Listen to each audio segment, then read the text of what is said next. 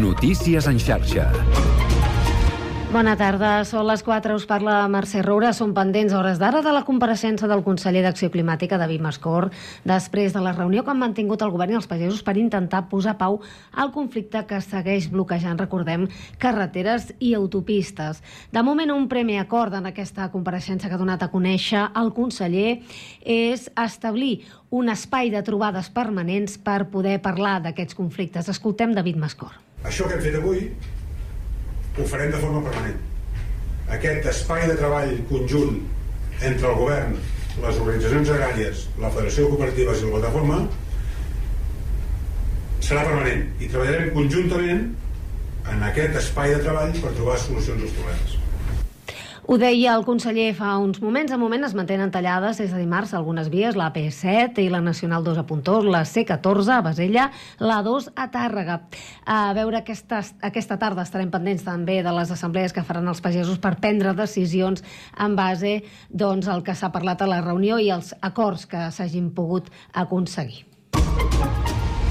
I anem a la crònica judicial, però també política. El jutge de l'Audiència Nacional, Ismael Moreno, que investiga el cas Coldo, assenyala l'exministre José Luis Ábalos com a intermediari, diu, per solucionar una reclamació del govern balear a l'empresa de la Traman. El seu escrit, a més, el jutge també recull una conversa entre un altre dels implicats, Coldo García, en què diu que havia quedat amb el portaveu parlamentari del PP, Miguel Tellado, per parlar d'aquest tema. En aquest sentit, després de conèixer aquest fet, el PSOE ha demanat explicacions eh, al Partit Popular de Feijó.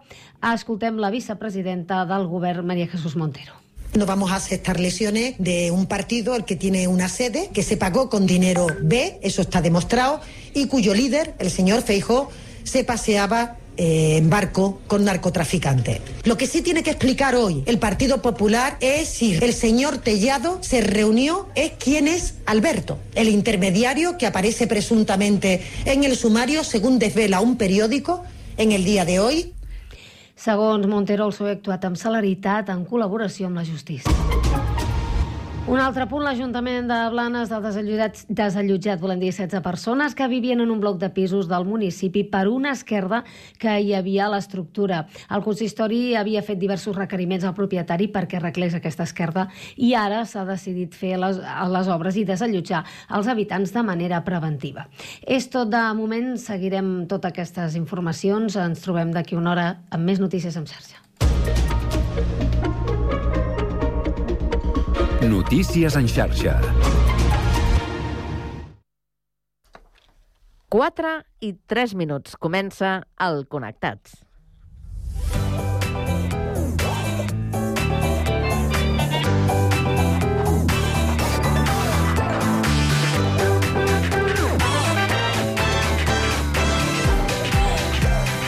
Connectats amb Carme Reverta.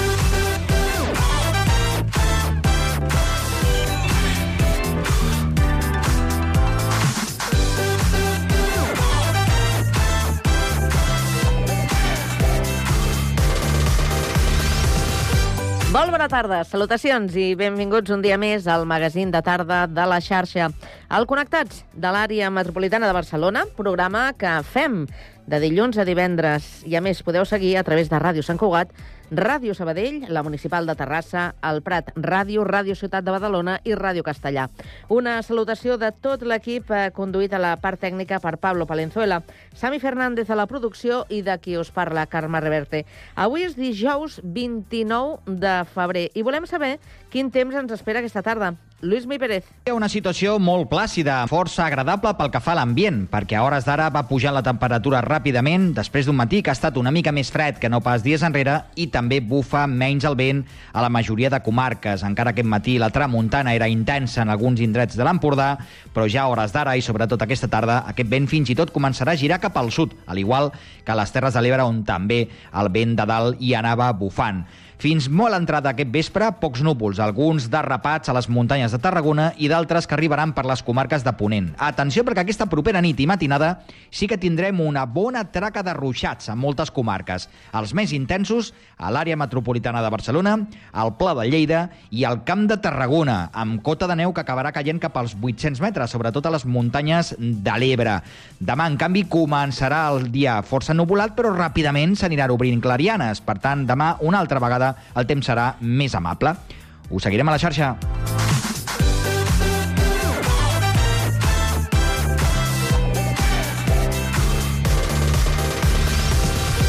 Bé, doncs avui al Connectats eh, preguntarem per què fallen un 20%, un 20 de les entregues de comerç electrònic.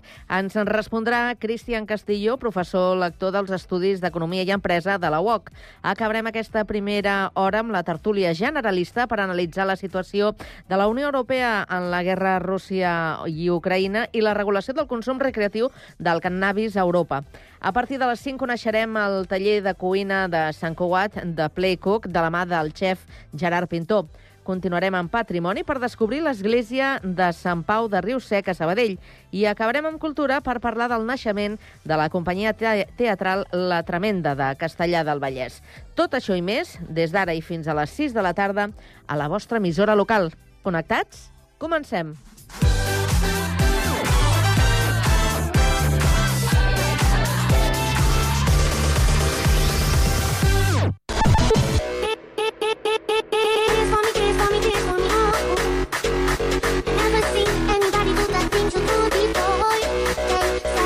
Connectats, una experiència radiofònica a Sabadell, Terrassa, Sant Cugat, El Prat, Castellà i Badalona.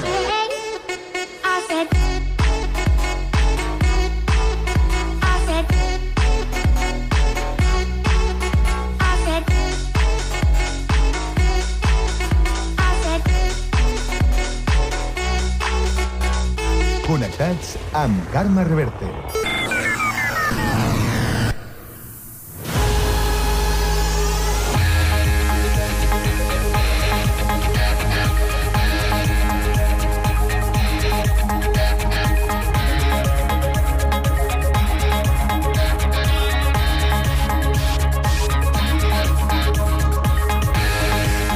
Les 4 i 7 minuts ens actualitzem, ho fem amb la ronda d'actualitat que obrim avui també per Terrassa.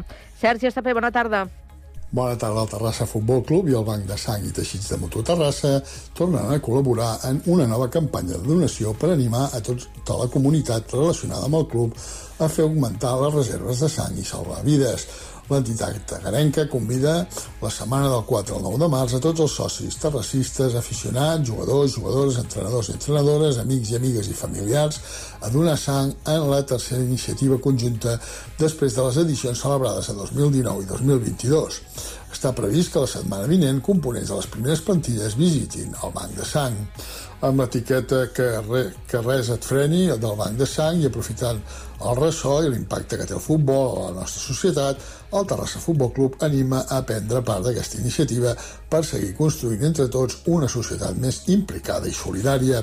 La campanya es durà a terme en horari de dilluns a divendres de 9 a 8 del vespre i dissabte de 9 del matí a les a dos quarts de 3.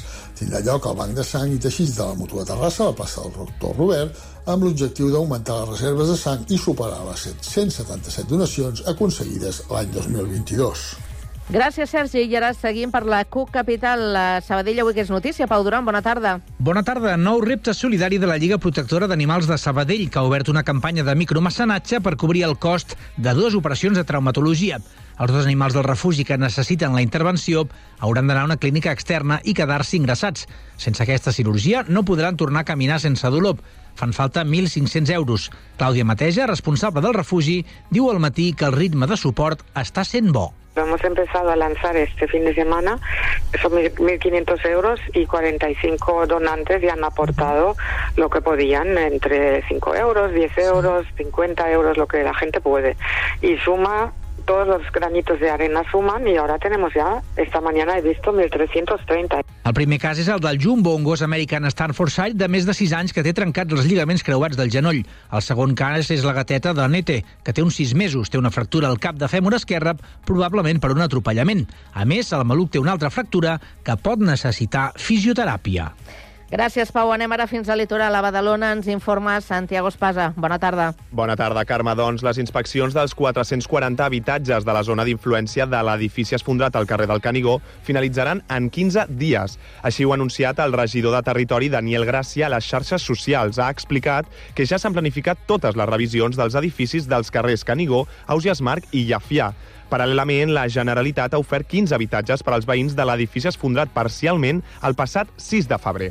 Mentrestant, a Santa Coloma de Gramenet s'està a l'espera de l'informe tècnic que ha de determinar si finalment es desallotgen els veïns del número 11 del carrer dels Pirineus, després que dimarts fossin evacuats una seixantena de veïns de l'edifici adjacent per risc de col·lapse en aparèixer una important esquerda a l'interior dels habitatges. Es tracta de 19 pisos afectats d'un total de 31. Els serveis municipals han declarat la situació d'emergència i el decret de desallotjament pel risc d'esfondrament de l'edifici. Escoltem l'alcaldessa de Santa Coloma de Gramenet, Núria Parlon. Arran una inspecció que hem fet des del Servei de Disciplina Urbanística, doncs malauradament una finca en la qual hi ha 60 persones vivint, que és l'escala que fa referència a Pirineus 9, s'ha hagut de cessar a l'ús dels habitatges per risc de col·lisió de l'estructura. L'escala del costat, que és Pirineus 11, pot tenir una situació semblant, en les properes hores amb els nostres serveis tècnics de disciplina urbanística estudiarem si hem d'activar el mateix protocol que en el cas de l'escala de Pirineus 9. La decisió s'ha pres un cop rebut l'informe tècnic encarregat per la comunitat de veïns a través de l'administrador de la finca. Gràcies, Santiago. Seguim eh, repassant l'actualitat i ara ens quedem al Prat de Llobregat. Víctor Asensio, bona tarda. Bona tarda. Els Mossos d'Esquadra han comissat sis plantacions de marihuana i han detingut 12 persones d'una presumpta organització criminal que es dedicava al tràfic d'estupefaents. L'operatiu ha arrencat aquesta matinada amb l'entrada a 10 domicilis al Prat, al barri de Sant Cosme, on s'hi cultivava la droga. Algunes de les plantacions es trobaven a l'interior de les càmeres d'aire dels edificis, zones que no estan pensades per ser accessibles. Escoltem Òscar Duran, cap de la Unitat Territorial d'Investigació de la Regió Metropolitana Sud dels Mossos d'Esquadra. Aquests edificis tenen a la part del sòtan, tenen unes càmeres d'aire, que no és d'accés d'accés públic, i igual que les golfes també tenen unes zones que no, només es pot accedir amb una, eh, per laterals amb una màquina d'aquestes eh, que l'aixequen. Eh, aquest clars el que fan és accedeixen pels seus propis domicilis, bé pel sostre, pel sostre bé pel terra i es fan amb, amb aquesta estança i desenvolupen plantacions. El Servei d'Urbanisme i Atenció Social de l'Ajuntament del Prat, que treballa per evitar la reentrada de grups criminals en aquests immobles, omplirà de ciment els pisos, com ja es va fer ara fa un any a la setena fase de Sant Cosme. En aquesta ocasió es va aconseguir desmantellar tot un bloc sencer on s'hi plantava marihuana. Gràcies, Víctor. Deixem el litoral i tornem al Vallès, a Castellà concretament. Jaume Clapés, bona tarda. Bona tarda. La castellarenca Teresa Font configura la Carta Blanca de la Filmoteca de Catalunya per als mesos de febrer i març. Teresa Font, que és muntadora, va inaugurar divendres 16 el cicle Carta Blanca de la Filmoteca de Catalunya amb una xerrada amb Esteve Riambau, el seu director. També es va poder veure el film de Depa Meta, Funny Boy, que acaba de muntar Font, i divendres 23 va presentar La enfermedad del domingo, de Ramon Salazar. El seu domini de la disciplina del muntatge l'ha convertit en una figura clau en la filmografia de Vicente Aranda i Manol Uribe, Àlex de la Iglesia i els darrers films de Pedro Almodóvar. També ha treballat amb cineastes menys coneguts, els quals ha volgut reivindicar en aquesta carta blanca guanyadora de dos Premis Goya, per a Dies Contados i Dolor i Glòria, també ha estat l'única representant del seu ofici a ser reconeguda amb la medalla d'or al mèrit a les Belles Arts que atorga el Ministeri de Cultura d'Espanya. Font configura la Carta Blanca amb films de collita pròpia i d'altres que l'han inspirat. Gràcies, Jaume. Acabarem, però abans un repàs a l'actualitat de Sant Cugat, avui de la mà de Marc Castro. Els horts urbans comunitaris tenen prohibit regar. És una de les restriccions que incorpora l'emergència per sequera i que deixa en escac la subsistència d'aquests espais, almenys a mig termini. De moment podran recollir la collita d'hivern, però la d'estiu perilla. Sense aigua és pràcticament impensable que hi pugui créixer res. Sentim Toni Corcó, de l'Hort de Mirasol, i Diana Àrias, de l'Hort de Can Mates, a Sant Cuat del Vallès. Tenim l'aixeta completament tancada i no hi ha cap possibilitat de, de regar. Um, inicialment uh, veníem amb aigua reciclada de casa per fer una mica de rec, però ens han comentat que està també prohibit això. Ni tan sols podríem comprar pues, aigua reciclada o aigua reaprofitada d'altres llocs, a portar-la amb cubes, tampoc podríem. L'únic que es podria fer és aprofitar l'aigua de pluja. I no només està en risc l'horta, també ho està la vida social que s'agrupa al seu voltant, ho explica l'hortolà de Sant Francesc, Xavier Ascensió. No només es perd, evidentment, les collites, sinó que ja, que ja és, sinó que es perd tota aquesta relació que tenen i és una pena, perquè, perquè en fi, creiem que això ha estat un suport per moltes de totes aquestes persones i bueno, doncs va més enllà de que es conrea. A Cugat Mèdia, www.cugat.cat, trobaran un reportatge on els tres hortolans expliquen com afronten la sequera i les restriccions derivades d'aquesta situació.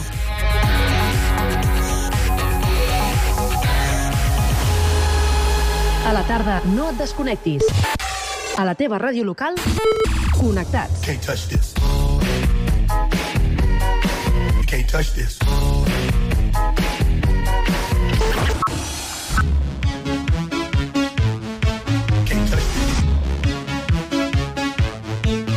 This.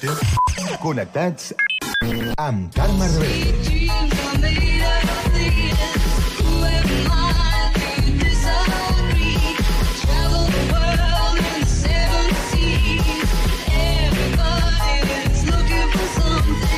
Connectats.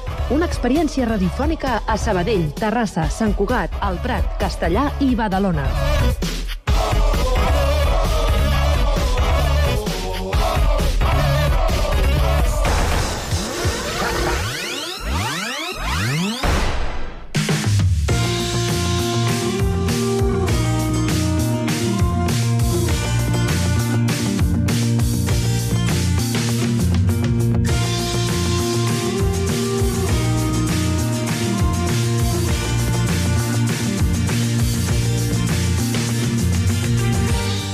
Fins a un 20% dels paquets que es compren en línia no s'entreguen als destinataris en el primer intent, fet que suposa una gran despesa per a les empreses. En parlem amb el professor lector dels Estudis d'Economia i Empresa, Cristian Castillo. Molt bona tarda, Cristian.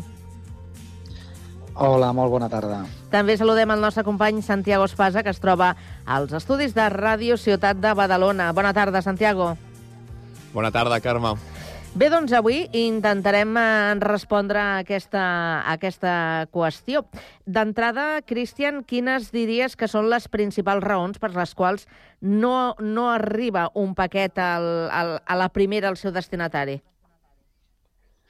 Doncs en podrem trobar de, de vàries, però jo en destacaria tres com a principals. No? La, la primera, que segurament és la, la més òbvia, que és la que ens ve al cap, i és que la, la persona que ha demanat el paquet no es troba a domicili. No? Eh, això, eh, aquesta és una de les principals causes, tenint en compte que el 86% de les compres que fem online tenen com a, a adreça de lliurament al domicili. No? Llavors, aquí és on tenim un dels principals focus, de que no, no hi siguem a casa i que no tinguem cap adreça alternativa doncs, eh, informada per tal de que es pugui deixar el paquet.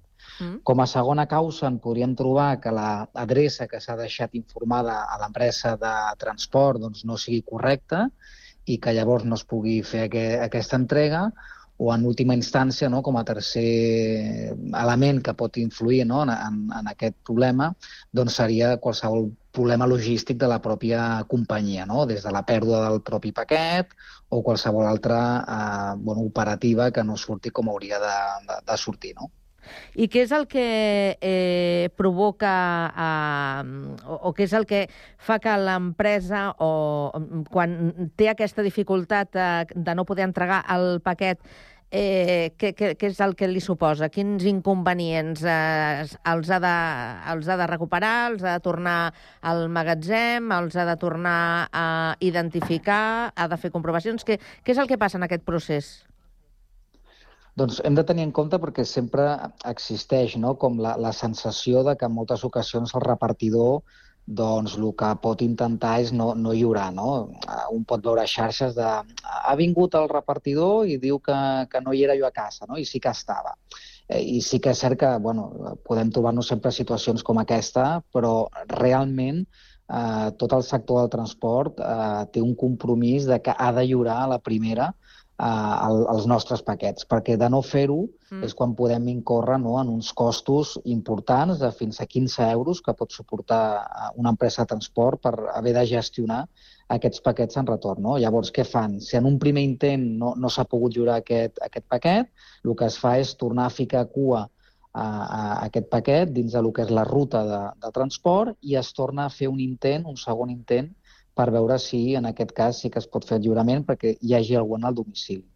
En el cas de que no sigui possible, sempre es truca a, a la persona. Aquí segur que molts consumidors, mo moltes persones que ens estiguin escoltant, doncs han rebut trucades del repartidor per intentar veure on pot deixar el, el paquet, no? perquè la, la insistència és aquesta, no? de poder deixar el paquet en un joc autoritzat, evidentment, pel, pel client, per tal de no haver de tornar i fer, fer la gestió.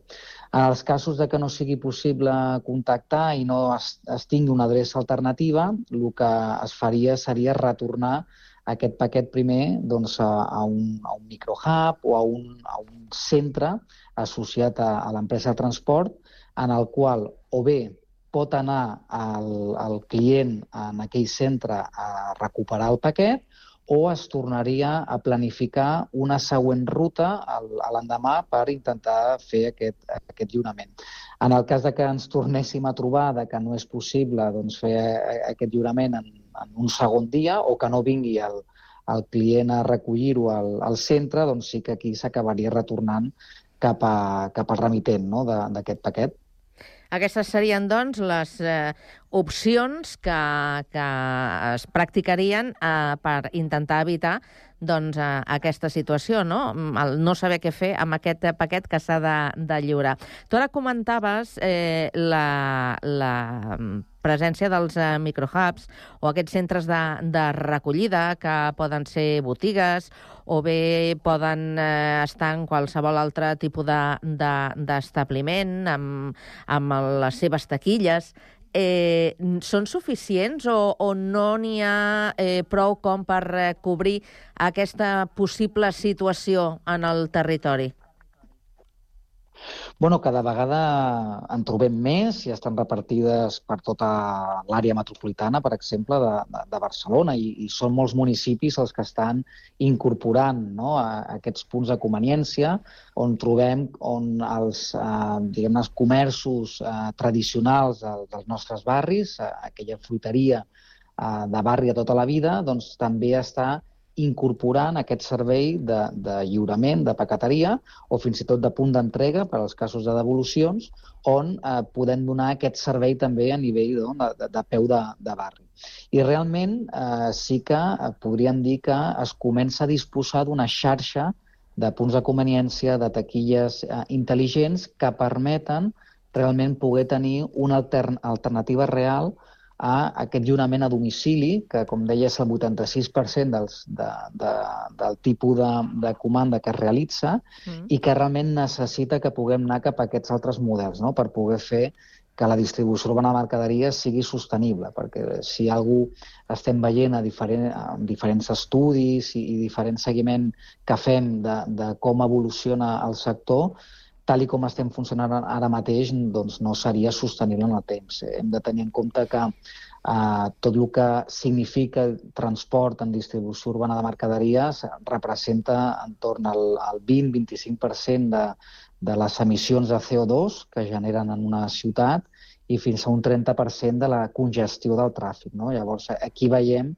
que hi ha molt camí encara per fer, molta conscienciació també a, a nivell de, de consumidor, per tal de que pugui triar doncs, altres opcions més sostenibles de, de lliurament que no tant doncs, a, a aquest lliurament a domicili. Bona tarda, Cristian. Jo ara et volia preguntar, eh, hem parlat sobre els lliuraments, però ara ens anem a centrar una mica de les devolucions. També suposen un problema per les empreses?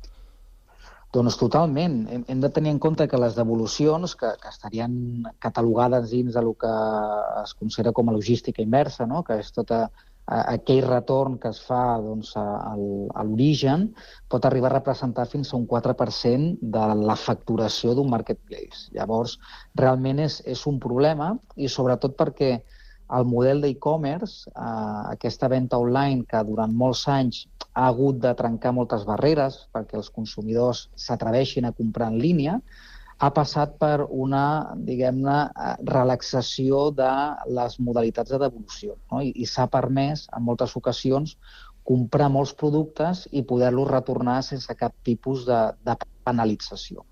I és aquí on moltes empreses, veient no, el que ara suposa amb els volums de venda que tenim a nivell d'online, aquestes devolucions, estan començant a implementar algunes restriccions. Especialment aquí veiem com el sector tèxtil, el sector de la moda, que és un dels sectors que, diguem-ne, per, per eh, volum no? i per tipologia és dels que més retorns fan en, sobretot en dates assenyalades, com pot ser el, el Black Friday, no? que arriba a tenir fins a un 50% de, de retorn de, de lo que es pot arribar a comprar, doncs estan començant a penalitzar. I com ho fan? Doncs en aquest cas, quan algú vol fer una devolució i, en, i selecciona la recollida a domicili, és a dir, que algú vingui a casa a recollir aquell producte que es vol retornar, doncs s'hauria de pagar per aquell servei. Aquí és important explicar al consumidor que no és que s'hagi de pagar per fer una devolució, sinó que es paga pel servei de que algú vingui a recollir-te a casa aquell producte. No? Que si s'escull l'elecció d'anar a una botiga física i fer aquell retorn, doncs sí que no tindria cost. Però també és cert que sí que estem trobant altres modalitats que eh, sí que acaben imputant un preu eh, per aquella devolució, independentment de si es fa a botiga o si es fa eh, amb recollida eh, a domicili. No? I el que busca és que eh, aquella dinàmica de compra de cop de clic, on jo compro molts productes, sobretot el que deia, no? sabates, eh, moda, per provar-me-les, veure com em queden i després retornar la que no em va bé, doncs intentar-ho minimitzar i, i, i reduir aquest tipus de, de compra, no? perquè al final eh, s'acabi comprant allò que realment es necessita i que, evidentment, si hi ha algun problema, doncs es pugui retornar, però que, que sigui a la mínima expressió possible. Clar, estem parlant que aquest és un dels principals desafiaments per a les empreses però, a part d'aquesta política de devolucions d'una devolució amb cost, existeixen altres polítiques que ara estan duent a terme les empreses? Sí, sí, sí, sí. en tenim d'altres, no? Eh, com per exemple podria ser la de la pròpia experiència de, de, de consumidor, on eh, podria arribar el cas de que si tenim un consumidor que està comprant normalment i no es veu que realitzi moltes devolucions al cap d'un any, eh, segons el preu de venda del producte que es vol retornar, si aquest eh, diguem-ne, pot arribar a ser inferior a el que costaria tota la logística de recollida d'aquesta devolució, doncs pot arribar al cas de, de que fins i tot la companyia permeti a l'usuari quedar-se amb el producte que volia retornar i li facin un reembolsament de, de, del preu que havia, de, havia pagat, no? sense necessitat d'haver de retornar aquell producte. Aquí eh, és molt important, no? perquè si de vegades ens costa més la gestió de recollida que no passa al propi producte, doncs no té cap sentit que s'hagi de mobilitzar tota aquesta logística. També tenim altres modalitats semblants a aquesta, on, on es podria fer aquest retorn econòmic sense haver d'enviar físicament el producte, però que en aquest cas sí que implica que el consumidor pugui demostrar que ha fet una destrucció d'aquell producte i amb això doncs, s'hauria doncs, d'adjuntar eh, un seguit d'imatges, justificacions, sobretot de que s'ha lliurat aquell producte eh, en, en un punt verd no? per, per ser tractat i llavors doncs, també rebria eh, aquesta devolució de la part econòmica que havia suposat la compra sense haver de retornar el producte. I ha altres modalitats que també, eh, diguem-ne que als Estats Units porta molt de temps funcionant i, fins i tot ha tingut vídeos virals a, YouTube i aquí a Espanya també porta ja, ja un temps, que és la reventa de palets de devolucions a famosos marketplaces, com podria ser Amazon, on aquells productes que s'havien retornat als magatzems principals d'aquestes companyies i, i que no han rebut cap tipus d'inspecció, simplement s'han anat acumulant en un palet segons la tipologia de producte. No? Imaginem un palet per eh, roba eh, no, o moda, un altre per joguines infantils, etc. Més enllà d'aquesta categorització, sense saber què és el que hi ha dins, es posen a la venda aquests palets. No? Palets que poden estar valorats entre 3.000 i 4.000 euros i que es venen a cegues a, a uns preus entre 300 i 400 euros. Llavors aquí, des de minoristes a particulars, poden comprar aquests palets però sent conscients de que eh, podrien trobar que no hi hagués cap producte que pogués ser reprofitable. I sí que és cert que això, doncs, després de comprar aquests palets i haver de fer una inspecció i fins i tot en alguns punts haver de eh, reparar un mateix aquell producte que potser podria estar bé fent una petita intervenció, després es poden tornar a posar a la venda i amb això aconseguim allargar la vida de, dels productes que en moltes ocasions abans quedaven oblidats en un magatzem sense cap tipus de gestió per després ser eh, destruïts, no? amb, amb, amb el cos i la petjada al medi ambient que això, que això suposa. Clar, estàs parlant de que són mesures que cada cop fan a l'empresa més sostenible, però per la part dels clients, tu creus que a part de reduir les pèrdues, millora la satisfacció d'aquests clients?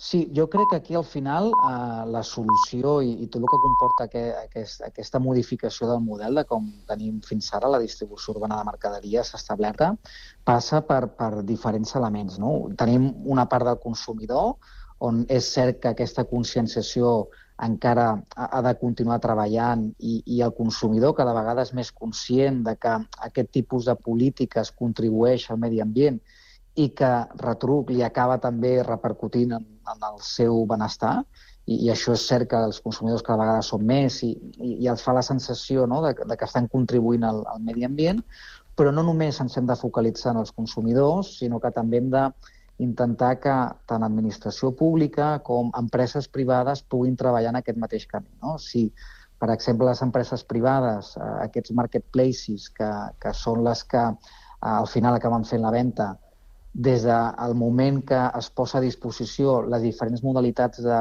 de lliurament, eh, intenten eh, posar com a primera opció altres eh, lliuraments no? que no sigui el de domicili, això pot contribuir també no? a, a no seleccionar directament aquesta modalitat.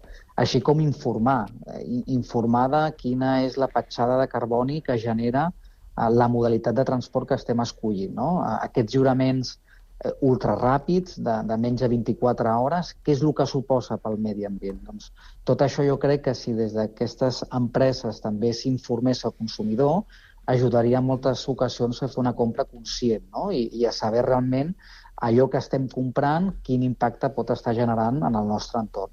I a nivell d'administració, doncs, al final és, és el de sempre. Si ens trobem amb empreses, unes que sí que implementen aquests costos no, de devolucions, mentre que hi ha d'altres que no ho fan, al final ens podem trobar que els consumidors acabin doncs, penalitzant aquestes que sí que estan cobrant per aquestes devolucions. Llavors jo crec que hi ha una part que sí que ha de passar per una regulació que de lo que s'asseguri és de que totes les empreses estan jugant amb les mateixes regles del joc i que no hi ha unes que per no implementar aquest tipus de, de penalitzacions que al final contribueixen a un model més sostenible, doncs es poden veure que perden competitivitat. No? Llavors jo crec que eh, tota la reconversió del model passa per aquests tres pilars que han d'anar de la mà i que cadascú amb la seva responsabilitat ha de treballar eh, per aconseguir aquesta distribució urbana més sostenible.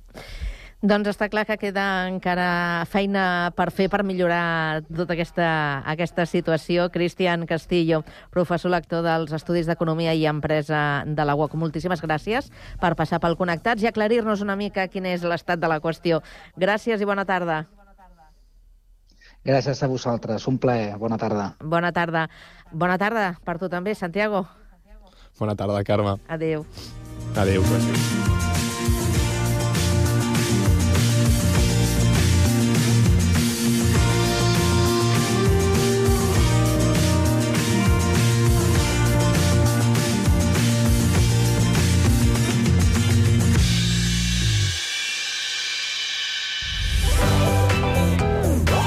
Connectats una experiència radiofònica a Sabadell. Ràdio Sabadell, 94.6. Terrassa. Ràdio Municipal de Terrassa, 95.2. Sant Cugat. Ràdio Sant Cugat, 91.5. El Prat. El Prat Ràdio, 91.6. Castellà. Ràdio Castellà, 90.1. I Badalona. Ràdio Ciutat de Badalona, 94.4. Cada tarda de 4 a 6, connectats.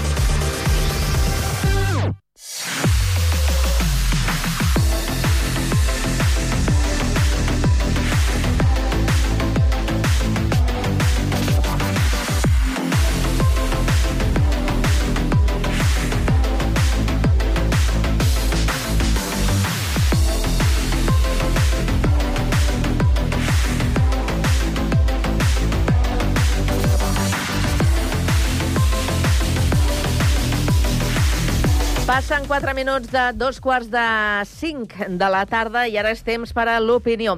La tertúlia, tres bandes. Avui la compartim amb la Montse Moral, que és farmacèutica i rotària. Montse, bona tarda. Molt bona tarda. Estàs connectada ja? Crec que sí. Sí? Diries que sí? Sí, mira, et pots donar el volum als auriculars. Sí. Perfecte. També ens acompanya Joan Tamayo, que és advocat i activista. Joan, bona tarda. Hola, bona tarda a tothom. Molt bona tarda. I per últim, completem la tertúlia amb el Francesc Ribot, que és exregidor d'Esquerra Republicana de Catalunya. Francesc, bona tarda. Bona tarda a tots. Bé, doncs, eh, avui tornem a parlar de la guerra, aquesta guerra que tenim a, a, a Europa, eh, i que precisament després de dos anys eh, crec que podríem fer una revisió de quin és el paper que està jugant la Unió Europea dins de, de, de tot aquest eh, panorama. Eh, bàsicament perquè la presidenta de la Comissió Europea, eh, la senyora von der Leyen, eh, va fer un, eh, un anunci, no sé si era un anunci, una advertència, una amenaça, o no sé, vosaltres direu què és el que us ha semblat, que ha demanat, eh, es veu que ha demanat als països europeus que es preparin per una guerra més àmplia. Jo no sé, però tinc algunes dificultats a, a, a desxifrar què és el que vol dir amb tot això. Diu la presidenta de la Comissió Europea, la guerra no és imminent, però no és impossible. Que, que, que, quina lectura feu d'aquestes paraules eh, de la presidenta? Eh, què és el que ens ve a dir? Ens haurem de remengar? Eh, ho dic perquè després eh, hem vist també que eh, Emmanuel Macron eh, va proposar, eh, cosa que, mm, d'altra banda, afortunadament, els aliats eh, de, de l'OTAN se n'han desmarcat, eh, va eh, proposar enviar tropes a Ucraïna. O sigui que el panorama és... Eh, sembla que ens estan convidant a, a implicar-nos eh, més directament, no només amb el subministrament d'armes. Quina és la lectura que feu de tot plegat eh, vosaltres? Vols començar, Joan? Sí, val. Uh, bueno, doncs uh, el que diu aquesta senyora no és ni més ni menys que, penso jo, uh, sentar les bases per, uh, per, per un rearmament d'Europa, per, per reforçar el projecte dels Estats Units a Europa. Uh, Europa està, li està fent la feina uh, directament als Estats Units, com en aquest nou mapa mundial geoestratègic, i bueno, l'altre dia Suècia va entrar a l'OTAN, eh, bueno, es van donant tota una sèrie de, de passos eh, per convertir eh, Europa bueno, en, en una fortalesa eh, militar eh, i de força davant de lo que s'esdevé en el futur.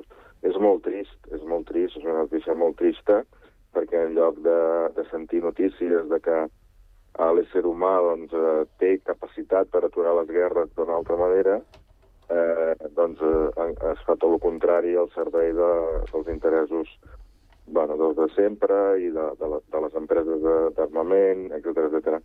És una notícia molt trista. Jo crec que anem en una situació eh, nova, totalment nova, que feia molts anys que no teníem, i bueno, doncs anem, anem cap a un, una mena de nou, de, de nou establiment de blocs eh, mundials armats. No?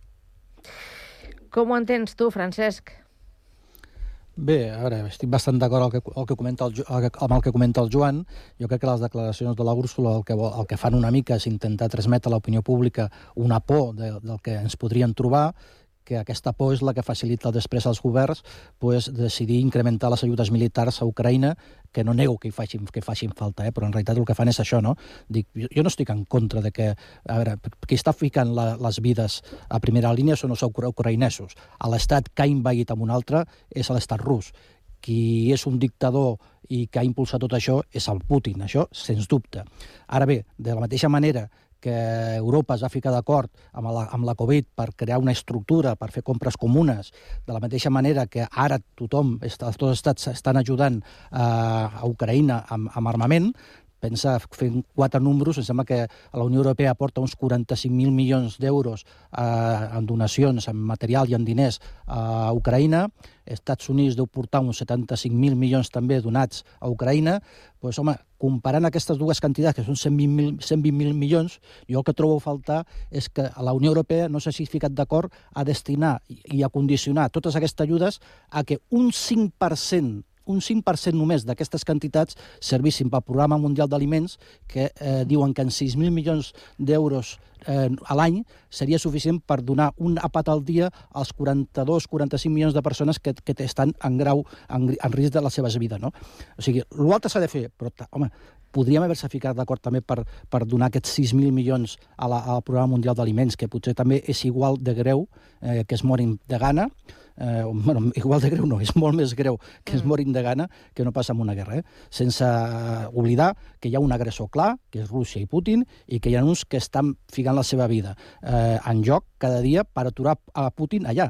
Recordem que eh, a la Segona Guerra Mundial eh, Europa no va ser prou valenta per aturar a Hitler i a Alemanya quan van eh, ocupar els Sudets i, Mora i Bohèmia i Moràvia. Per tant, eh, escolta, aquí hem reaccionat al primer temps, perquè si no, tots sabem que si eh, la, la Unió Europea i els Estats Units no haguessin reaccionat amb Ucraïna, després hauria vingut eh, les repúbliques bàltiques, eh, Finlàndia i Suècia no han entrat perquè sí a, a la, a la Unió Europea o, o volen entrar a la OTAN. Evidentment, no s'han refiat ni un pèl. Clar. Montse. Bueno, ja, això crec que la Úrsula és una visa navegant, és claríssim, perquè la situació, si ho mires, ha canviat. Portem ja dos anys i va per llarg. Les sancions que s'han fet a Putin no han servit per res. Aleshores, s'intueix un canvi important a la presidència dels Estats Units, que això també canviarà tota la, la postura d'aquest país enfront a aquesta guerra.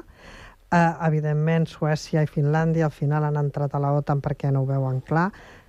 Lamentablement, jo estic també d'acord amb el que heu comentat, val més que invertir en, en treure la gana al món, però jo crec que ara ens estan dient que ens hem de rearmar que no m'agrada, no m'agrada gens la idea, però és que aquest senyor, ara, avui, he, abans de vindre, he vist que Putin no? ja s'està preparant la campanya perquè al març tornen a haver eleccions i aquest senyor tornarà a guanyar. I... És una manera de dir, no?, lo de les està, eleccions. Sí, i estarà sis anys més, i aquest home, pues, no sé, té una salut de ferro i, i segueix.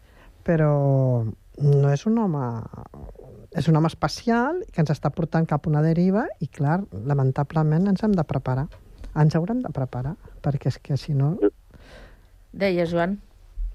Sí, jo crec que anem cap a un nou cicle sí. que no sé cap on ens portarà.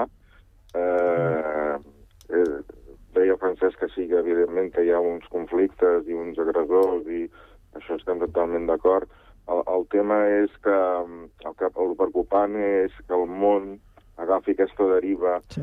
cap a un nou cicle. I dic un nou cicle a mi em preocupa molt perquè el que va començar després de la Segona Guerra Mundial amb la creació de Nacions Unides, que era una esperança, mm, la creació de Nacions Unides, eh, la Declaració Universal dels Drets Humans, que es deien coses com que no es, tornia, no es tindria que tornar a repetir la catàstrofe de la Segona Guerra Mundial i es posaven les bases, però ja va començar en fals, evidentment, tot això, perquè ja hi havia uns països que continuen tenint eh, el dret de veto i, i, i del control, vull dir que també va ser fals tot això, però bueno, alguns teníem l'esperança de que podíem anar cap allà, però no. Uh, jo crec que Nacions Unides ja no pinta res, de fet ja no, mm. cada vegada surt menys a, a, a, té menys paper de protagonista, i això ens està anunciant coses que a mi no m'agraden gens.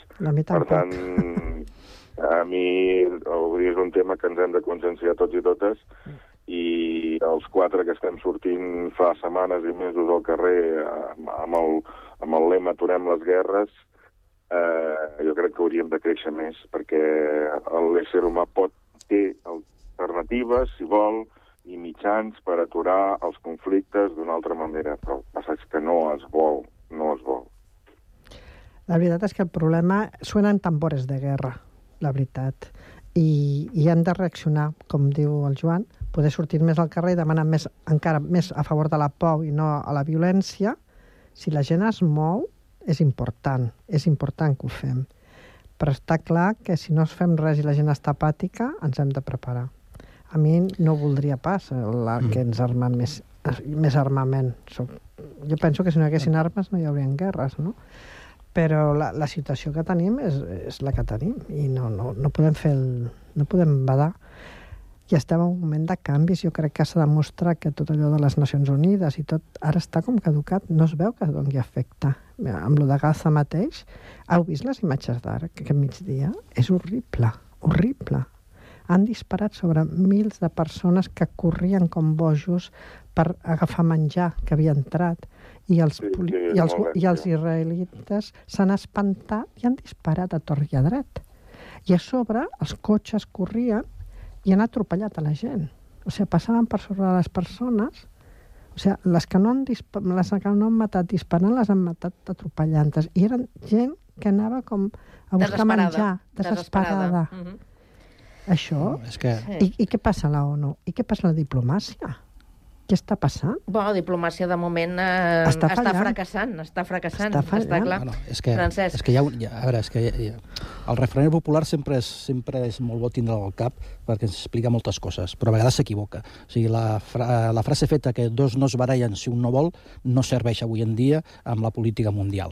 I per molt que nosaltres, jo crec que, evidentment que la ciutadania s'ha de manifestar i ha de fer arribar als governs un missatge molt clar, però la gran política, amb, una, amb, una, amb un món en què cada dia hi ha més blocs i cada vegada estan més enfrontats per l'ocupació d'espais de, de, de poder i espais d'influència, eh, evidentment que Europa o vol ser rellevant en política mundial o vol convertir-se en un parc temàtic on vinguin els turistes a, a, a veure, a fotografiar la, el Coliseu, que vinguin a Barcelona a veure la Sagrada Família, o volen ser un polític actiu o també ens hem de rearmar.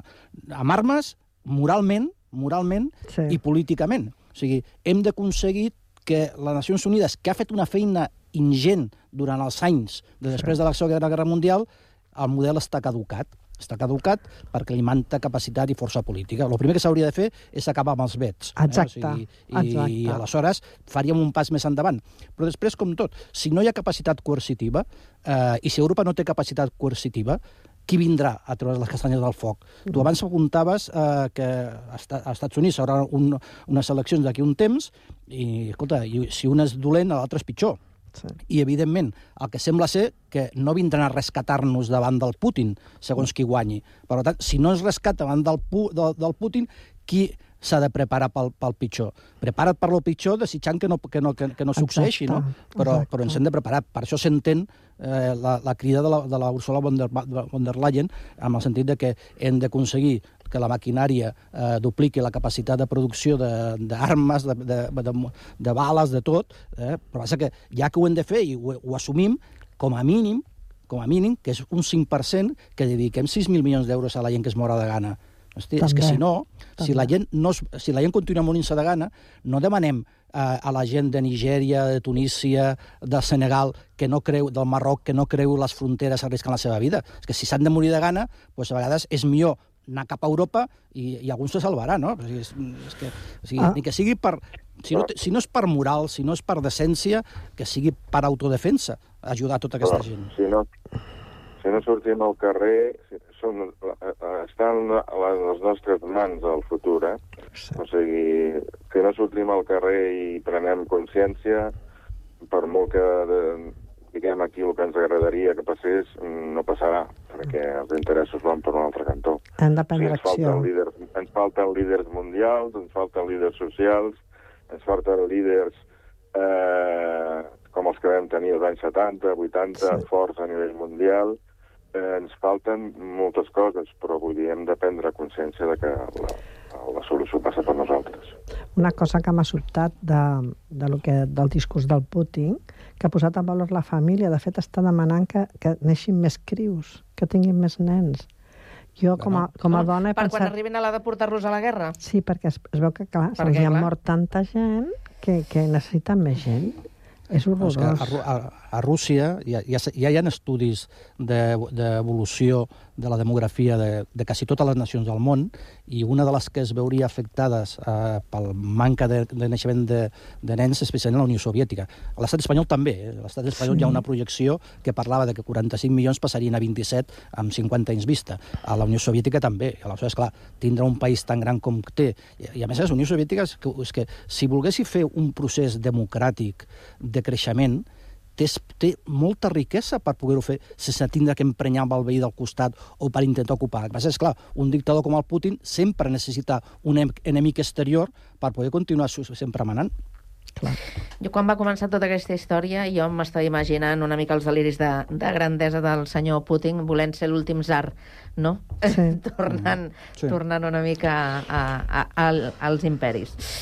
Però vaja, eh, és preocupant, eh, la, sí. la situació. Ja portem dos anys, anem, hem començat ja el, el tercer any d'aquesta guerra que tenim aquí al costat de, de casa i la veritat és que no pinta gaire, gaire bé.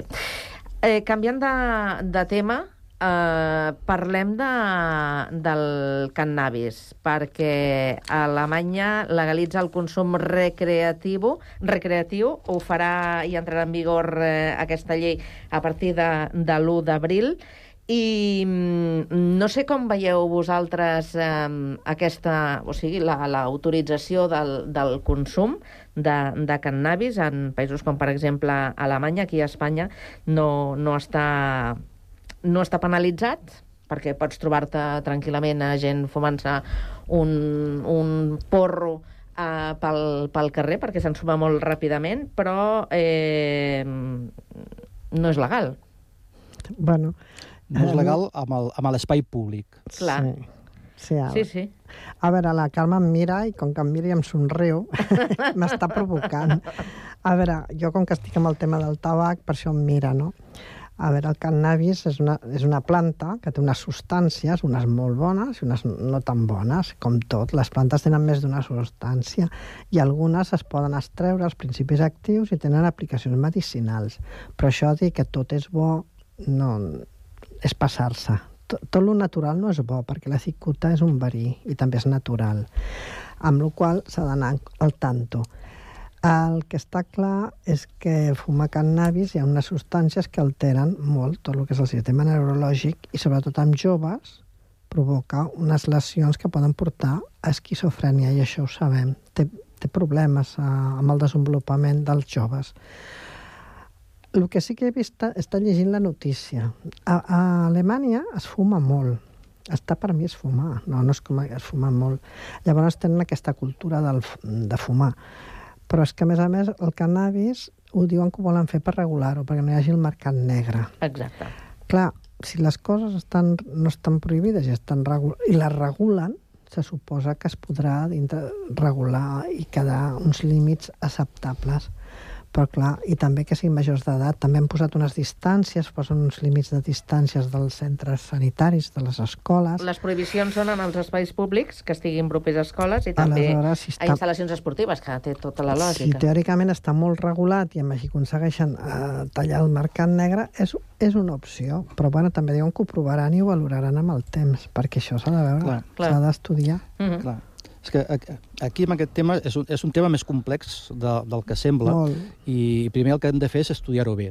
I per estudiar-ho bé s'ha de, de fer, eh, s'ha de veure quines experiències hem tingut. I ja tenim experiències eh, des de fa força anys. A Uruguai va, eh, es va legalitzar la marihuana, a Canadà eh, també s'ha fet, ja, ja deu portar uns 5 anys fent-ho, per tant, el que s'hauria de fer és veure quins efectes ha tingut amb tots els temes el, el, el fet de que s'hagi legalitzat. Eh, evidentment, el, el que, un dels efectes immediats a l'estat espanyol, que tots recordem el que, el que hem vist a Andalusia, les lanxes de, de, de, sí, sí, de tràfic sí. de marihuana, de, de, de tot. O sigui, a veure, s'ha d'eliminar de, el mercat negre no perquè sigui un mercat negre, sinó perquè genera tota una delinqüència associada, contamina totes les estructures de la societat i, i fins i tot avui en dia es parla de narcostats, és a dir, s'ha d'eliminar això i l'única manera d'acabar amb això o de reduir-lo al màxim és fer que aquestes substàncies que la gent ha de comprar de forma il·legal eh, ho pugui fer de forma reglada. En una farmàcia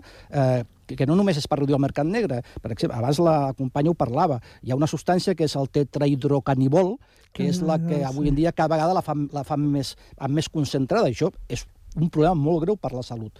També que eh, Alemanya l'encerta quan diu que un, eh, abans de tot això farà campanyes educatives sobre els efectes i els riscos del, del cànnabis. No oblidem que ni l'alcohol, el tabac, tot encara que sigui en petites proporcions, té riscos i és nociu. Eh, ella també com- comentava que eh, el cànnabis té trastorns de percepció, eh, porta, eh, una, si genera, amb un 10% de la població que el consumeix, genera dependència, té trastorn, poden provocar trastorns psicòtics, l'esquizofrènia comentava ella, la depressió. O sigui, els riscos són molt alts, però és que avui en dia la gent el troba fàcilment. Per tant, ja que la gent el trobarà i el trobarà que amb una substància que estarà tractada, adulterada, doncs potser, potser és millor que l'Estat la reguli i, a més a més, a Canadà, eh, no és menor el tema, eh, paguen impostos i a l'estat canadenc rep diversos decenes de mils de milions de pessetes per tot aquest negoci eh, empresarial que s'ha muntat amb el tema del, del cànnabis. No? Per tant, mirem si podem aconseguir reduir, minimitzar la, el mercat negre i la delinqüència associada. Mm. Si aconseguim que la substància que la gent es prengui no estiguin adulterada i es pugui controlar uh, les proporcions. Si fem campanyes educatives sobre els efectes nocius del cànnabis i evitem de totes totes que la gent de menys de 18 anys o 20 anys el puguin consumir. S'ha de ficar filtres, s'ha de ficar uns límits al voltant de centres escolars, de centres sanitaris, eh, que són els que eh, ara, per exemple, a la nostra ciutat vam estar discutint molt a Badalona sobre que els centres cannabis que són legals... Ens queda un minut i mig, una- Francesc. A veure si Pues podem... deixo el company. Sí, deixarem El el, company, Joan. En Joan. No, bueno, Molt bé, Francesc, eh? Molt documentat. Eh, Estic bastant d'acord amb el que diu Francesc i, i vosaltres, però eh, de fet és que ho portem molt malament perquè hem permès que una, que una droga es converteixi en un negoci, un supernegoci, i bueno, s'ha descontrolat ja fa molts anys. No, I en canvi corre pel carrer a dojo, no? Aleshores, clar, el, la solució no passa perquè un país determinat, ja s'han fet experiències, com, com heu dit, però això no s'arreglarà mai si, si només fa experiències d'un país o un altre i no aprenem entre tots i totes de fer alguna global en comú i tots alhora. Això és allò famós de la globalització. A més, globalitzem lo, lo dolent, però les coses bones, com es va veure amb la Covid, doncs no, no hi ha manera que ens posem d'acord per globalitzar les coses bones. Per tant, això és un, un mercat molt gran que dona molts diners, està descontrolat i com no prenem mesures a nivell global, no ho podrem controlar. I llavors doncs, Totalment ja tenim experiències de països. I prenem, aprenem d'aquestes experiències. Ho deixem aquí? Ho deixem aquí, que ja no, no, ens, queda, no ens queda més temps. Eh, Oh. gràcies... Sí, es passa molt ràpid el temps. Gràcies al Francesc, al Joan i la Montse per aquesta estona de conversa. Que vagi molt bé la tarda. Una abraçada. Vale, gràcies. Adéu-siau.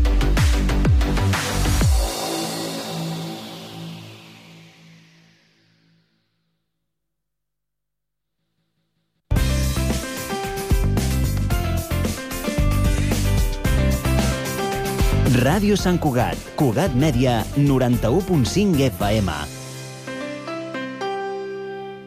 A Ràdio Sant Cugat gaudim de la música. Gaudeix-la amb nosaltres. Di